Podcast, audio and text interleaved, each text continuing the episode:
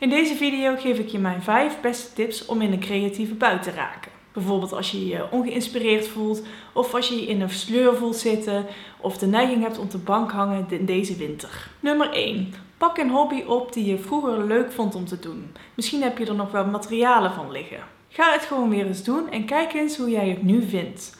Waarschijnlijk ben je in de tussentijd veranderd, maar het zou best kunnen zijn dat je het nog steeds leuk vindt om te doen. En zelfs als dat niet zo is, dan leer je weer iets nieuws over jezelf. Ook weer over je hobby lezen of er YouTube-filmpjes over kijken of je er weer in verdiepen is ook een hele goede manier om weer geïnspireerd te raken en om weer in de actie te komen. Nummer 2. Omring jezelf met mooie en leuke en inspirerende dingen. Maak bijvoorbeeld boards op Pinterest.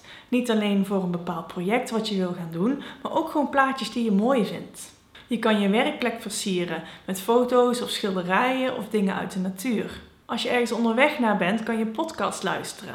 Podcasts zijn heel persoonlijk, maar ik heb wel een aantal van mijn favoriete podcasts in de laatste video van deze module gedeeld. Ga met mensen om die jou geïnspireerd laten voelen. Of die jou inspiratie geven. Misschien omdat zij een bepaalde bijzondere hobby hebben of een bepaald tijdsverdrijf.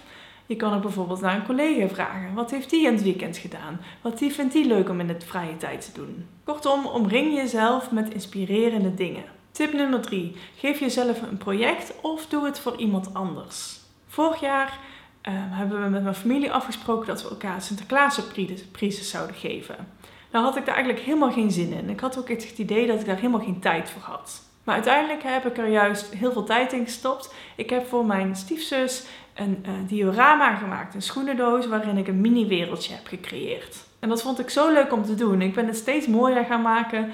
En allerlei manieren creatief, creatief geweest door materialen te hergebruiken en uh, te bedenken waar kan ik nu weer een stoeltje van maken. En dat motiveerde mij om het voor iemand anders te doen. In dit geval mijn stiefzus. En dat bleek ook echt wel zo te zijn. Mijn stiefzus waardeerde het heel erg en ze vond het ontzettend leuk. Je kan deze winter bijvoorbeeld eens een cadeau op een bijzondere manier inpakken. Of een feestje organiseren, hoe klein of groot ook. Waarin je iets lekkers kookt voor de mensen om je heen. En de wetenschap dat je iemand anders of meerdere mensen hiermee blij kan maken, geeft vaak ook een extra motivator om je creativiteit in te zetten. Nummer 4, haal de druk ervan af. Ik heb er zelf ook echt wel heel erg last van. Ik heb eh, meerdere malen bijna mijn creativiteit om zeep geholpen door er te veel druk op te leggen. Ik verwachtte te veel van mezelf. Dat het mooi moest worden, dat het eh, ontzettend goed moest worden. Ik mocht geen fout maken, het mocht er niet lelijk komen uitzien. En al die druk is gewoon niet echt bevorderlijk voor je creativiteit. Het wordt er gewoon niet echt leuker op. Dus dit zeg ik eh, tegen jou, maar ook tegen mezelf. Het hoeft niet mooi te worden. Geef jezelf de ervaring cadeau. En dat kan ook een hele zintuigelijke ervaring zijn. Een voorbeeld is, als ik ga tekenen, dan focus, probeer ik me niet te veel te focussen op hetgene wat eruit komt, dus het resultaat, maar meer op hoe het voelt om mijn potlood of mijn pen over het papier te laten gaan. En voor mij kan dat soms eh, voelen als dansen op papier. En dat is een heel erg zintuigelijke ervaring. En als ik er dan ook nog muziek bij aanzet, dan kan ik ook beter in een ritme komen. En dan focus ik me dus minder op het resultaat en meer op hoe, hoe het in dat moment voelt voor mij. Dus zet je mentale gezondheid en je mentale geluk voorop en niet het resultaat. Tip nummer 5. Om creatief te zijn moet er wel wat ruimte zijn. Als jij 100% van de dag alleen maar in beslag wordt genomen met alles wat je moet doen of alles wat er moet nog gebeuren, of je piekert heel veel, dan werkt het niet. Aan de andere kant kan het creatief bezig zijn je ook ruimte geven. Dus het creëert voor jou een moment waarop je even kan ontsnappen aan alle stress of zorgen van alle dag. Maar er moet natuurlijk wel wat ruimte zijn. In dit geval is dat tijd.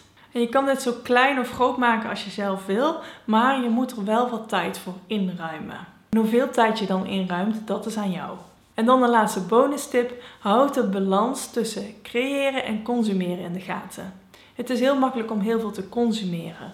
Bijvoorbeeld door heel veel series te kijken, veel te scrollen op social media, veel YouTube-filmpjes te kijken, kijken hoe andere mensen iets aanpakken enzovoort. Maar dat kan ook heel erg een domper zijn voor onze eigen creativiteit, omdat we dan uh, vaak onszelf gaan vergelijken met mensen die beter zijn. Dus een goede verhouding is om voor elk uh, stukje wat je consumeert, om daar ook hetzelfde tegenover te creëren.